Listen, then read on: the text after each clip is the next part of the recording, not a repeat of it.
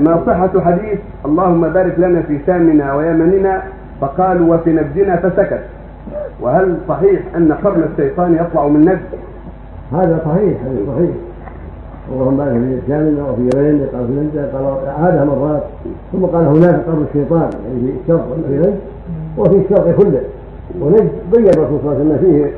هناك ضمر وربيعه عندهم من الشر والجفاء. قال اصحاب أصحاب الإبل. فبين عليه الصلاة والسلام أن قبائل العرب عندها من الجهل وعندها من الشر ما عندها إلا من هداه الله وليس المقصود نجد فقط المقصود كل الشر. ها هنا من حيث يطلب قرب الشيطان. يعني الشر كله. شر المدينة وشر الدنيا كلها. لأن هناك وجد اصناف البدع واصناف الشرور وظهر الشيوعية وظهر الفساد هناك في الشرق وكذلك وجد في جزيرة في جزيرة هذه من الشرور وارتد كلمة العرب بعد موته صلى الله عليه وسلم وظهر شر في بني حنيفة وفي بني أسد وفي بني تميم وادعى الناس من النبوة وكلمه في بني حنيفة وتجاه في بني تميم وطرح في بني أسد وهذا شر كبير والشر ما اخبر النبي عليه الصلاة والسلام.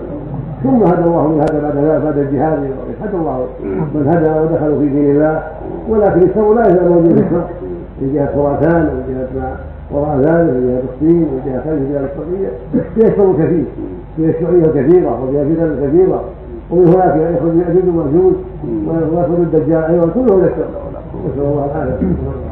هل يجوز للمرأة أن تأخذ حبوب منع